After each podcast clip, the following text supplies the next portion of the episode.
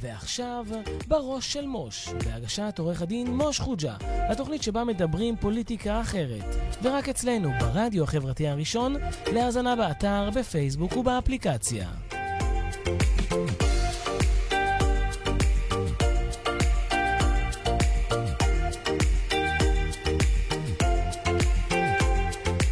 שלום חברים, ערב טוב, מה שלומכם? לא התראינו זמן רע, זמן מה, אבל הנה אנחנו כאן בעוד תוכנית של בראש של מוש, והיום אני שמח לארח איתי באולפן את איתה טלאור. שלום איתה. שלום, שלום. אנחנו נדבר היום עם איתה על כל הנושא של אה, שיווק דיגיטלי, איך משווקים במדיה הדיגיטלית, על סוגיה השונים והמגוונים, שאלה נושאים אה, שהיום אני חושב שהם הפכו להיות אה, לחם חוקו של כל בעל עסק, נכון? נכון, נחלת הכלל.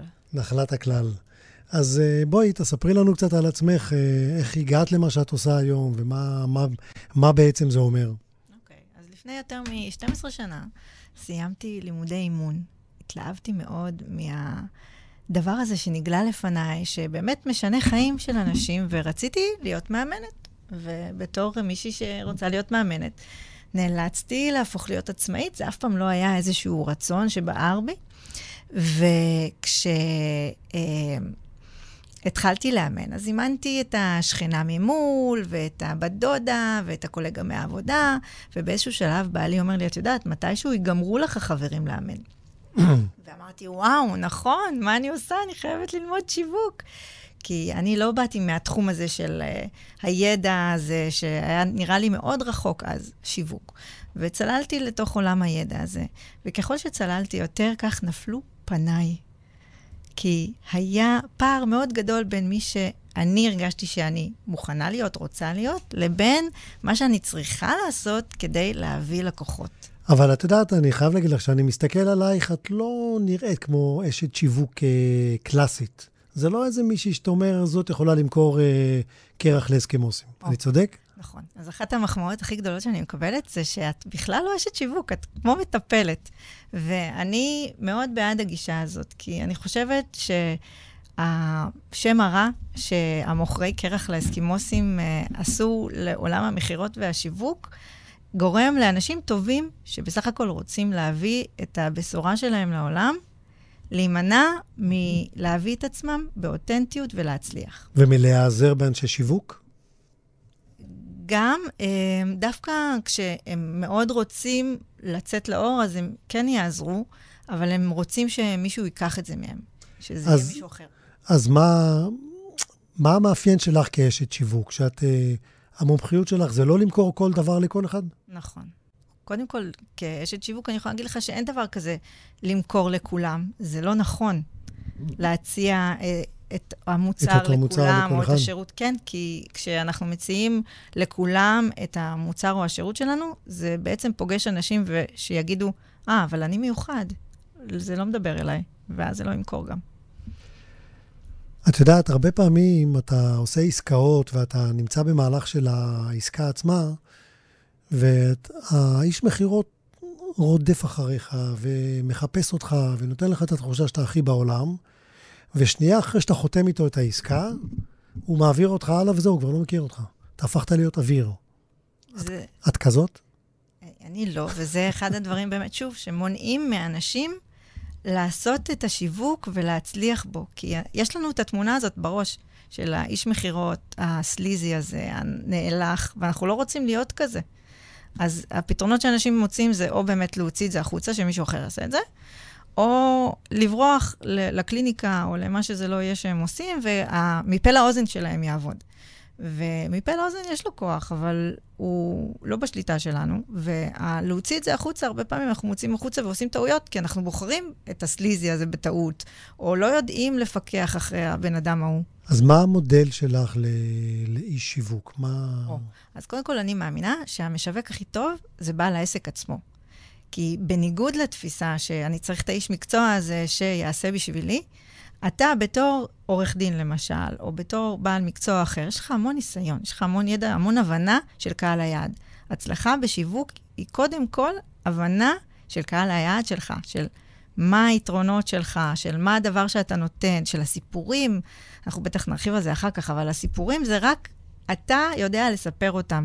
ואיש שיווק טוב בעצם יודע למשוך ממך ולהוציא ממך את הסיפורים הטובים האלה, והוא יודע לנסח את זה בצורה של מסר ברור.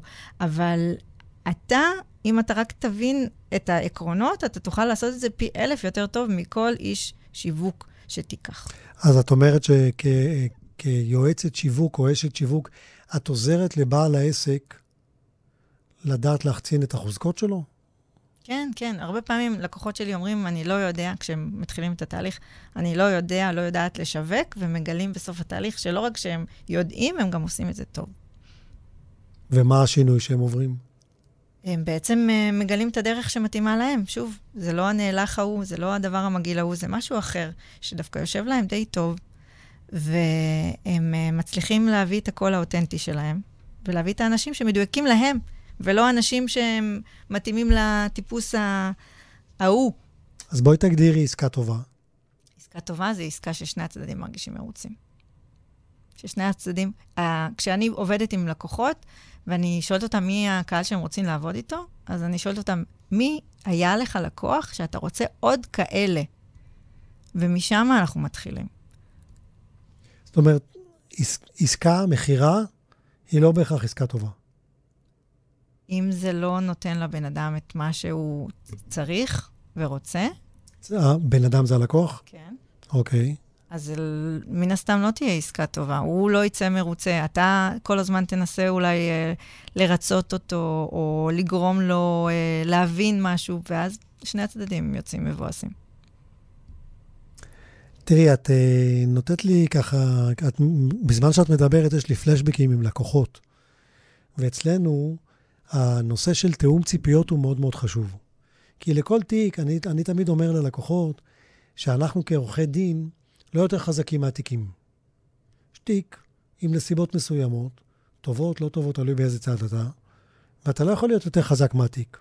ואם בא אליך לקוח עם תיק גרוע ורוצה שתוציא אותו איזה, אז זה לא יקרה בחיים. ולפעמים עסקה כזאת עדיף לא להיכנס אליה, אפשר להיכנס ולהתפוצץ. יש עורכי דין שלא אכפת להם, אומרים כן, כן, כן, לוקחים את הכסף, ואחרי כן זורקים את הבן אדם. זה כבר סגנון. נכון. אחת הטעויות שלמשל, היום, היום היה לי שיחה כזאת. יש לי עוד שלושה שבועות קורס. אני צריכה עכשיו עזרה, שלושה שבועות למלא את הקורס. ובואו נכין סרטונים כבר ש, של מכירה, של בואו נמכור את הקורס.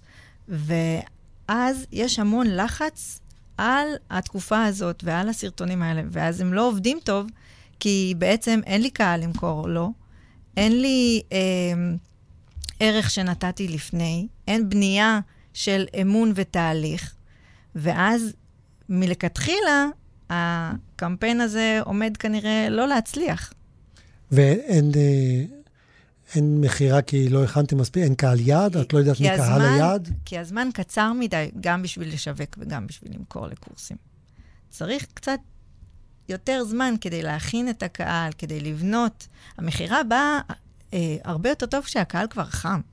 שכבר אנשים אומרים, וואי, בא לי לעבוד איתך. אני שומע אותך בפודקאסט שלך, וכל אה, שבוע אתה מביא איזה משהו אחר, ונורא בא לי לעבוד איתך. איזה סוגי לקוחות יש לך?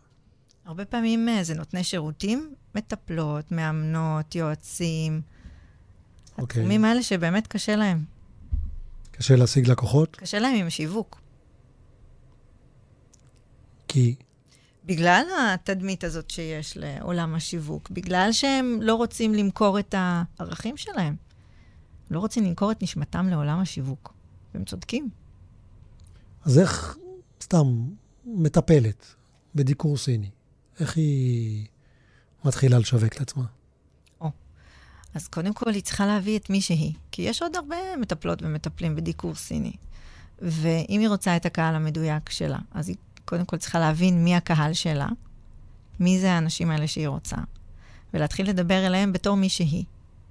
ואז נוצר החיבור הזה, נוצר הבול בפוני הזה, של להגיד בסופו של דבר, וואו, אני עוקבת אחריה כבר תקופה, ובא לי ללכת אליה שכואב לי הגב. והשאלה אם יש מספיק. למה לא? כי מה שאת אומרת זה, לבעל העסק תהיה מי שאתה, תבחר את האנשים שמתאימים לך, תמשוך אותם אליך ותיתן להם את השירות. אז חלק מהעבודה בתור uh, יועצת זה לזהות קהלים שהם מספיק גדולים, שהם לא יותר מדי מצומצמים. אבל כן, מה, למטפלים uh, בדיקור אין מספיק uh, אנשים עם כאבי גב, או כאבי uh, שיניים, או כאבים, או כל מיני דברים. אני לא מכיר אחד שאין לו כאבי גב, אבל uh, שאלה איך מושכים אותם. חלק, בדיקור סיני למשל, חלק מהבעיות בכלל זה למשוך אנשים שיבינו שדיקור סיני פותר בעיות מהסוג הזה. זה גם חלק מהשיווק. נכון, נכון. זה להכניס את המוצר לתודעה. Mm-hmm. הוא לא בתודעה מספיק, מספקת. ואנשים כאלה זה חלק מהקשיים שהם צריכים להתמודד איתם. נכון. אז איך מתמודדים עם זה? אז uh, בדיוק uh, ראיינתי בפודקאסט שלי לפני uh, ככה כמה שבועות את בן יעבץ, והוא דיבר על קללת הידע. הרבה פעמים לבעלי מקצוע, דווקא נותני שירות כאלה מאוד מנוסים, עם ותק, הם כבר יודעים, אבל הם יודעים דברים שהקהל לא יודע. ואז הם מדברים מהמקום שהם יודעים, ומשתמשים הרבה פעמים גם במונחים של אנשי מקצוע, כמו ייפוי כוח מתמשך וכל מיני קללות כאלה, והקהל לא מכיר את זה. וחלק מהעניין זה באמת לרדת לגובה העיניים של הקהל שלך, ושל המודעות שבה הוא נמצא. אבל קללת הידע, יש לזה גם אפקט אחר, שאני הרבה פעמים נתקל בו.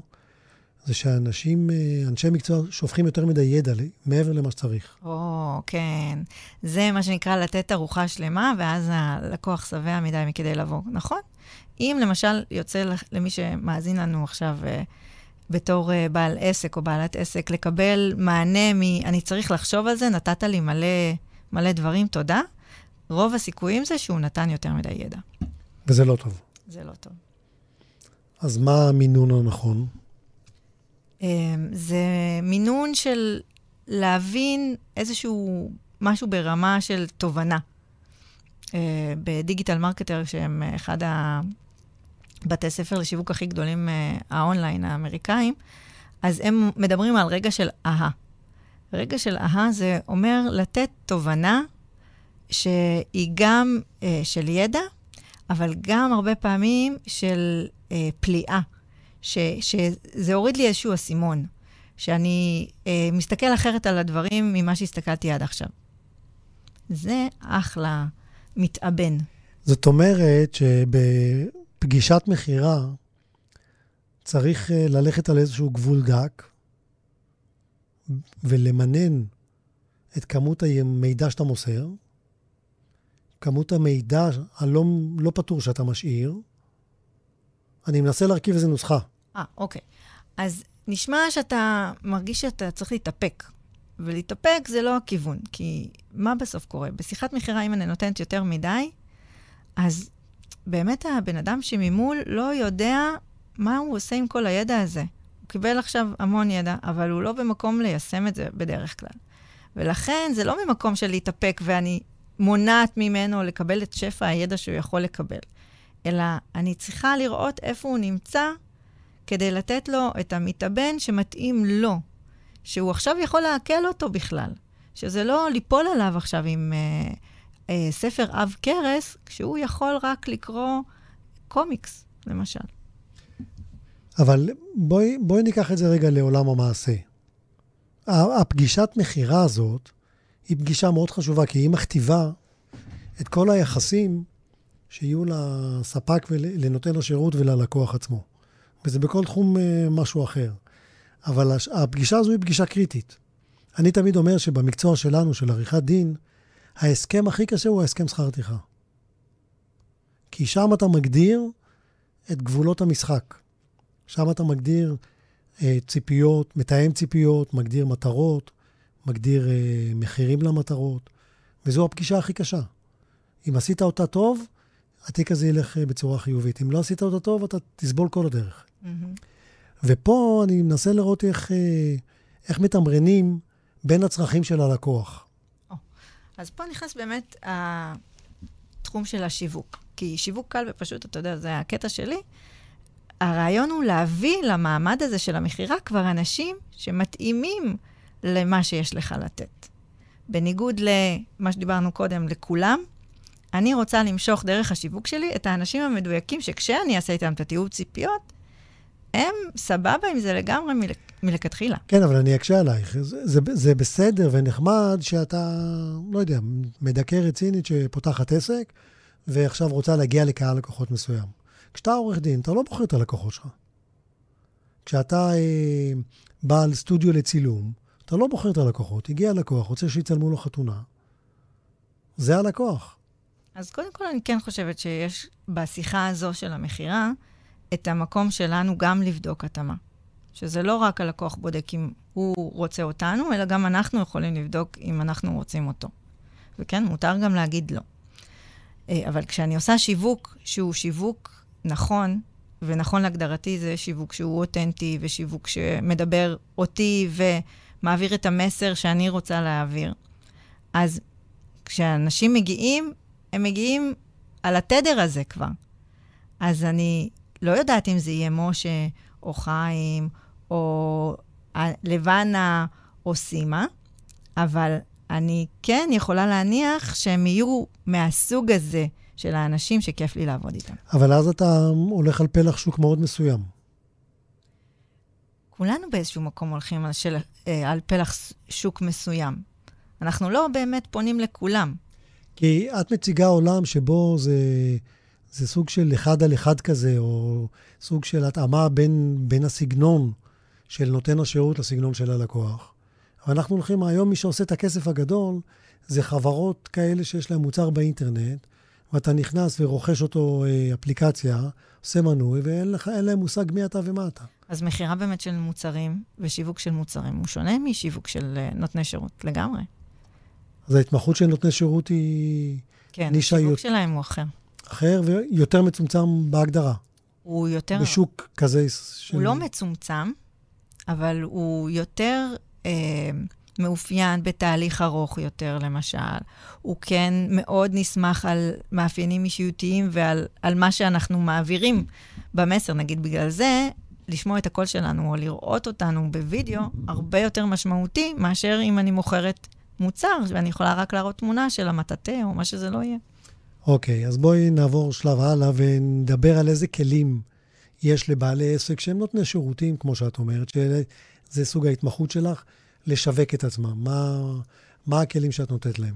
אז בשיווק דיגיטלי, לא, לא אני נותנת, אלא השיווק הדיגיטלי נותן המון המון המון כלים.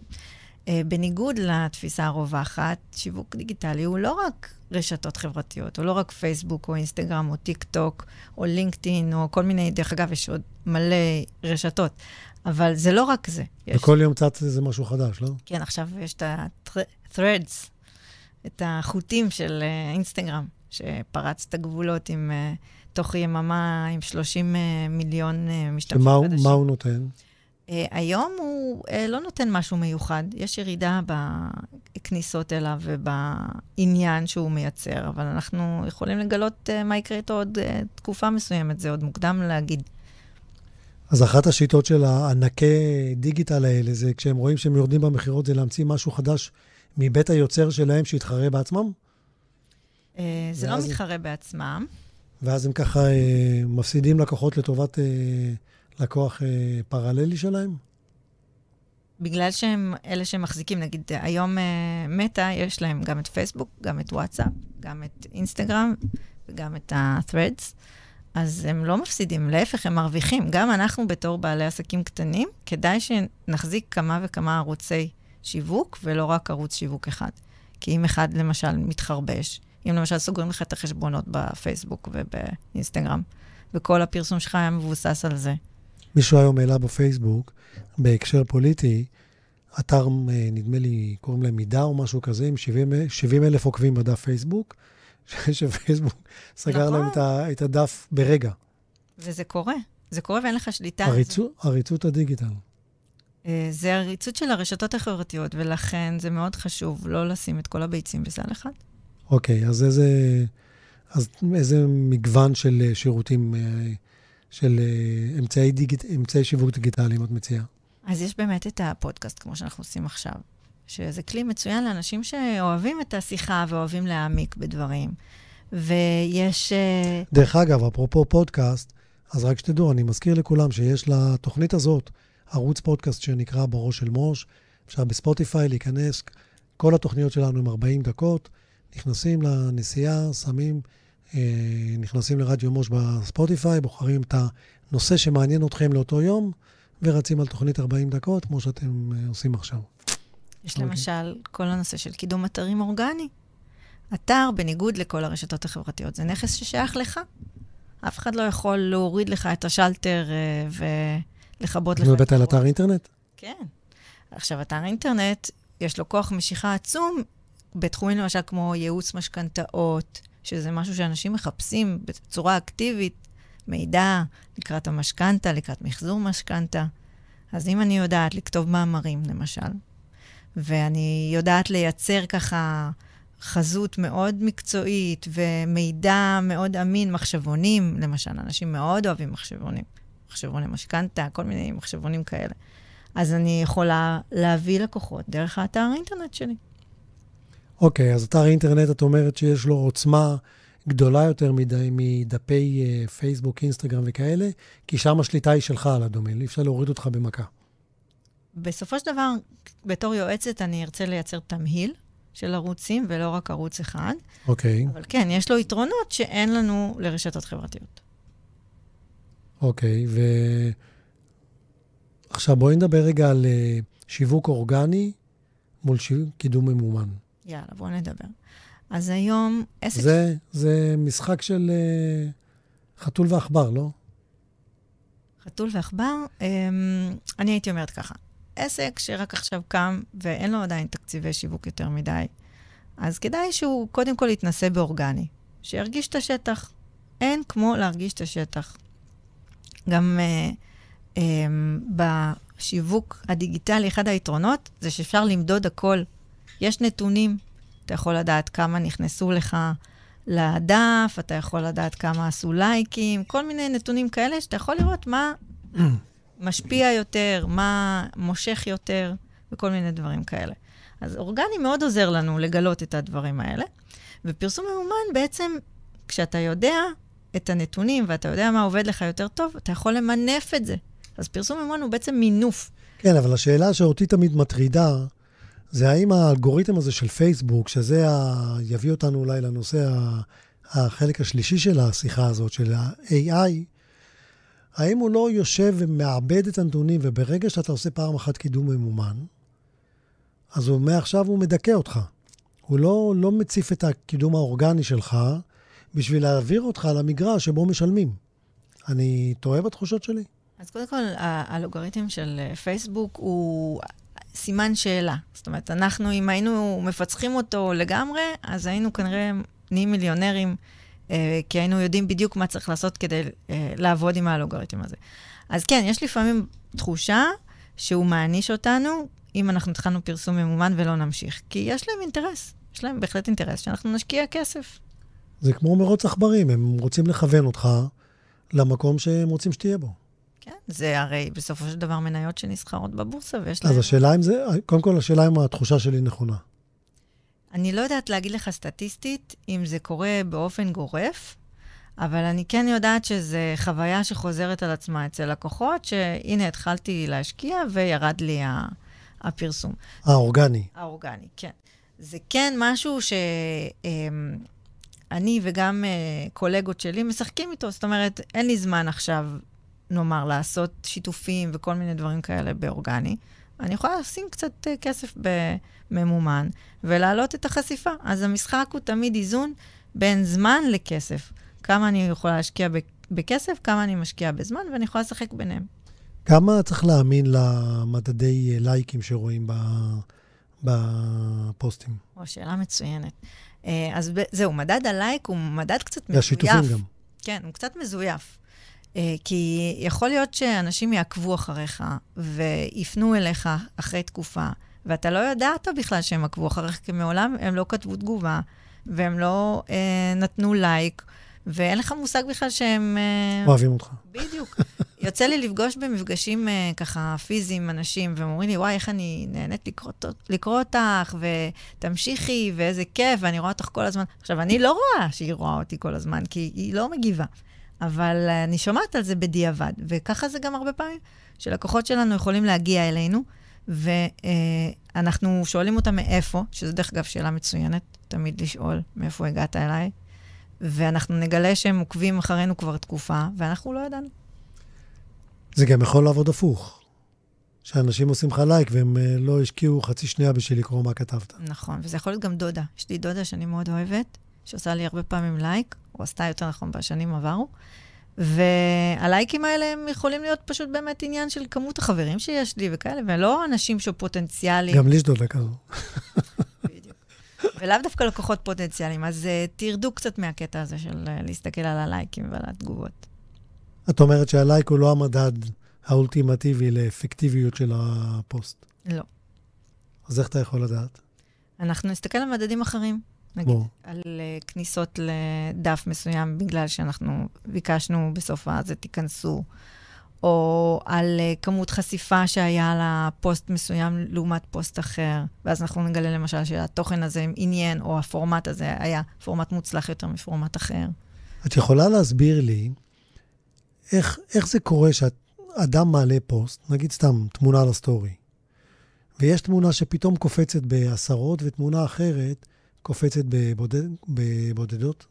אז קודם כל, אה, מה, מה השינוי? זה אה, לא תמיד אנחנו יודעים, לפעמים זה אפילו עיתוי. לפעמים אני אעלה בתשע בבוקר משהו, ואת אותו דבר אני יכולה לעלות בכמה שעות אחרי זה, נגיד אחר הצהריים, ופה יהיה לי עשר לייקים, ופה יהיה לי, לא יודעת, אה, 80, או חשיפה הרבה יותר גדולה.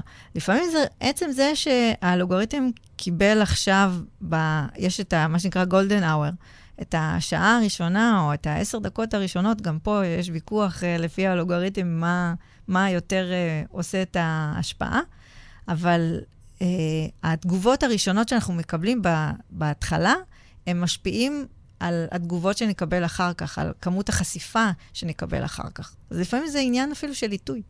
שזה, את אומרת שזה מכפיל, אה, מכפיל פרסום? כן, אם בעצם- אתה מקבל מיד בהתחלה, זה... בעצם פייסבוק אומרים, אוקיי, כנראה זה פוסט טוב, כנראה זה היה מעניין, אז אני אראה את זה לעוד אנשים. עכשיו, מי כתב את האלגוריתם של פייסבוק, שזה מה שכולם מדברים על זה, איך עובד האלגוריתם של פייסבוק, איך עובד האלגוריתם של, אה, של כל המערכות האחרות, טוויטר וכולי. אז בעצם מה אנחנו צריכים כל הזמן? לנסות לפרש או לצפות איך עובדת תוכנת מחשב שמישהו אחר כתב אותה, ואנחנו כל החיים שלנו מנסים, אה, כולם מנסים להבין איך הדבר הזה עובד? או, אז זה מצב שאני ממש נגד. כי בעצם אתה מדבר על שורה של שעבוד, שאנחנו עבדים של איזשהו אלגוריתם נסתר, שאנחנו לא באמת יודעים איך הוא עובד. אז אני אומרת, תבינו קצת איך זה עובד, אבל אל תשתעבדו לזה. זאת אומרת, שימו בראש שלכם קודם כל את הביטוי העצמי שלכם, את הדברים שאתם רוצים להגיד וחשוב לכם להגיד. דווקא, מה שנקרא בשפה המקצועית, כתיבה מ- מקטבת, מלשון קוטב, היא כתיבה שהרבה פעמים מייצרת... אה, עניין. עניין, כן, ואנחנו נמנעים ממנה הרבה פעמים, כי אנחנו לא רוצים שאנשים לא יאהבו את מה שכתבנו, או שיתנגדו, או יגיבו בצורה לא נעימה. דווקא כתיבה כזאת, אם אנחנו מאמינים בה, היא כתיבה שמאוד מייצרת אה, חיבור לאנשים שחושבים כמונו. כן, אבל היא מרחיקה כאלה שלא חושבים כמוהו. נכון, אבל אם אנחנו מדברים מקצועית, לא פוליטית, כן? כי פוליטית עדיף להשאיר בצד מהבחינה העסקית. למה? כי זה כן יעשה את מה שאתה אומר. היא תרחיק את האנשים הפוליטיים, אנחנו לא רוצים להרחיק אנשים רק בגלל שהם לא תופסים את התפיסה הפוליטית שלנו. אין פה איזה משהו חולה? חולה מאיזה בחינה? מהבחינה הזאת שאנחנו חיים בחברה שלא מסוגלת לקבל דעה פוליטית אחרת, ו- ולשמור את, את האיש כבעל מקצוע. Mm. אה, אפשר לדבר על זה, אפשר לדבר על זה ברמה החברתית, אבל זה, אה, הרשתות אה, לא ייצרו את זה, זה, זה נמצא עוד לפני עידן הרשתות. מה? שאנשים מושפעים מדברים שהם לא באמת קשורים ב, בנושא.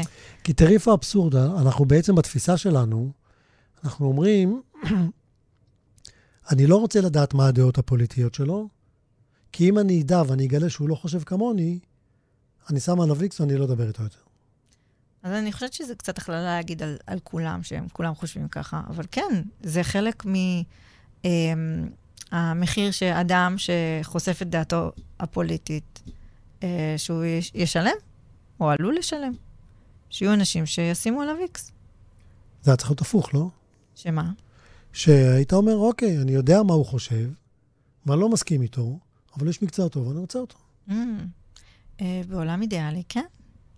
זה כ... כאילו, למה פוליטיקה צריכה להרחיק? אני, זה, זו אחת השאלה. השאלה הבאה שרציתי לשאול אותך, ואת כבר נתת תשובה. את אומרת, לבעל עסק, תימנע מלערב נושאים פוליטיים בדף שלך.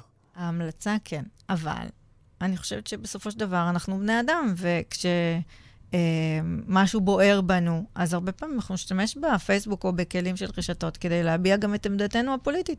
פשוט יכול להיות לזה מחיר. ואני חושבת שכאנשים שרוצים להשפיע, אז אה, חשוב שאנחנו גם נהיה אמיצים במובן הזה. שנדע שההשפעה שלנו היא גם בהקשרים הפוליטיים וחברתיים. כן. טוב, לא, ניג, לא ניגרר לפוליטיקה בהקשר הזה, אבל בואי רגע נחזור לאלגוריתם. אז, אה, אז אנחנו לא יודעים איך האלגוריתמים האלה בנויים, אבל בסופו של דבר מישהו כתב אותם. Mm-hmm.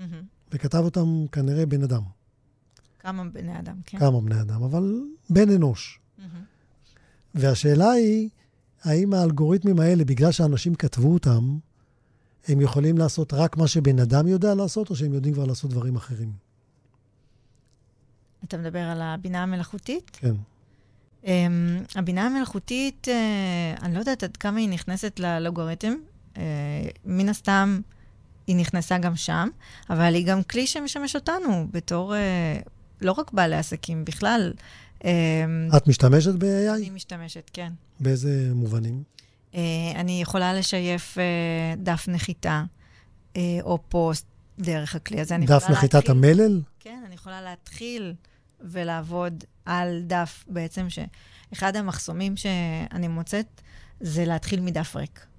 וה-chat GPT מאפשר לי, במקום להתחיל מדף ריק, מאיזשהו דף שכבר כתוב, ואני יכולה... לתקן. בדיוק, לתקן אותו.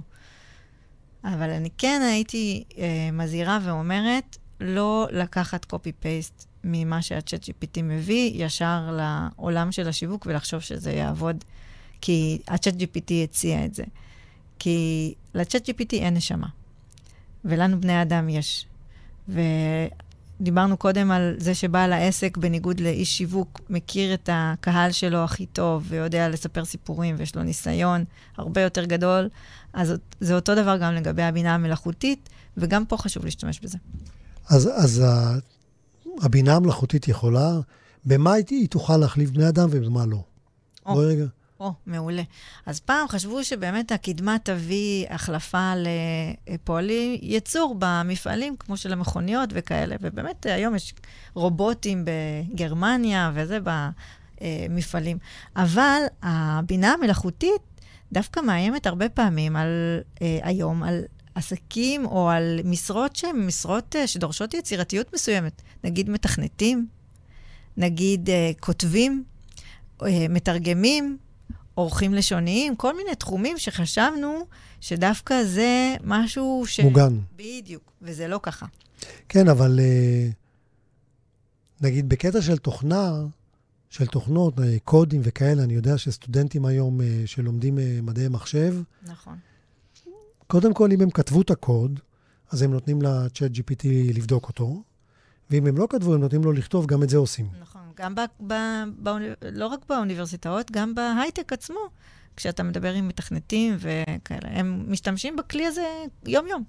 כן, אבל תראי, באיזשהו מקום זה קצת... אה, עשו לזה דמוניזציה. כי אם תיקחי למשל אה, את אה, תוכנת Access, להבדיל מאקסל. אקסל זה גיליון נתונים, שאתה יכול לבנות שם נוסחאות בכל מיני צורות אה, די מסובכות. ו-Access הפך את זה ל-database. והוא הריץ את כל התוכנות שאתה יכול לדעת לבנות באקסל, ה-Access יודע לעשות את זה כבר באופן uh, מובנה. אז הוא העלה דרגה אחת את יכולת השימוש. אז יכול להיות שה-Chat GPT הזה העלה את הנושא של השימוש בתוכנות עוד מדרגה אחת למעלה. זה לא סוף העולם שה- שהבינה המלאכותית יודעת לכתוב תוכנות. כי זה הופך את הכתיבה של התוכנות למשהו יותר זמין. אז uh, מדברים על זה שיהיה צמצום בכמויות מסוימות של משרות. אבל זה לא מבחינתי מאיים למשל עליי.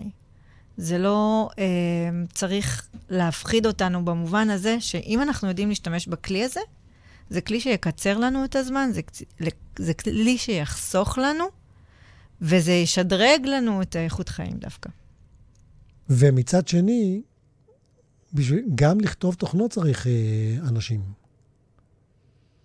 אני... הרי צריך לפתח, בני אדם לא מפסיקים לפתח את החיים שלהם. אז נכון שזה לוקח משרות, אבל זה גם מייצר משרות אחרות. נכון. פשוט עושה ניוד של כוח אדם, מכוח אדם X לכוח אדם יותר uh, מקצועי וכולי. אבל, uh, אז, אז השימושים שאת עושה ב-AI זה מין uh, ניצוץ כזה, להתחיל לכתוב טקסט או לבדוק אותו? למשל. כן, אני חושבת שהיום המיומנות הגבוהה שנדרשת מבעלי עסקים ובכלל מאנשים, זה לדעת, לדעת ל, אמ, להתמודד ולהסתגל לשינויים ולבחור מה לאמץ. ופה כן צריך להשתמש בשכל הישר, וכן צריך לבדוק אה, מה אתה בוחר לאמץ ומה לא.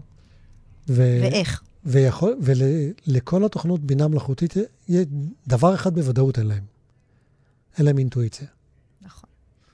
והאינטואיציה שלנו כאנשים וכבעלי עסקים זה לעשות לפעמים את הדבר הכי לא צפוי, או הכי לא הגיוני, וזה המהלך שמנצח, לפעמים.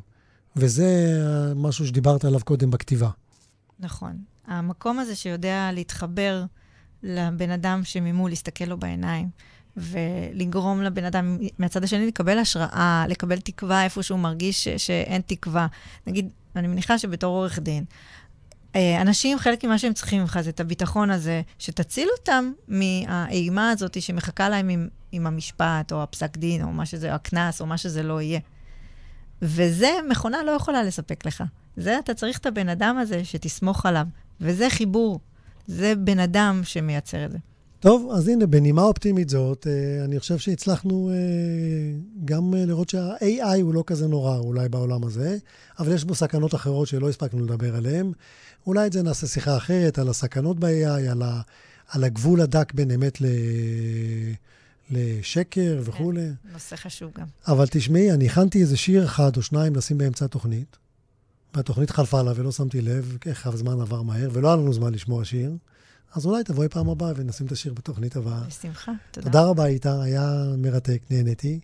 וחברים, תודה גם לכם, אני שמח שהייתם איתנו, ומקווה שתרמנו לכם uh, לעולם השיווק הדיגיטלי, ונתראה בתוכנית הבאה של בראש של מוש.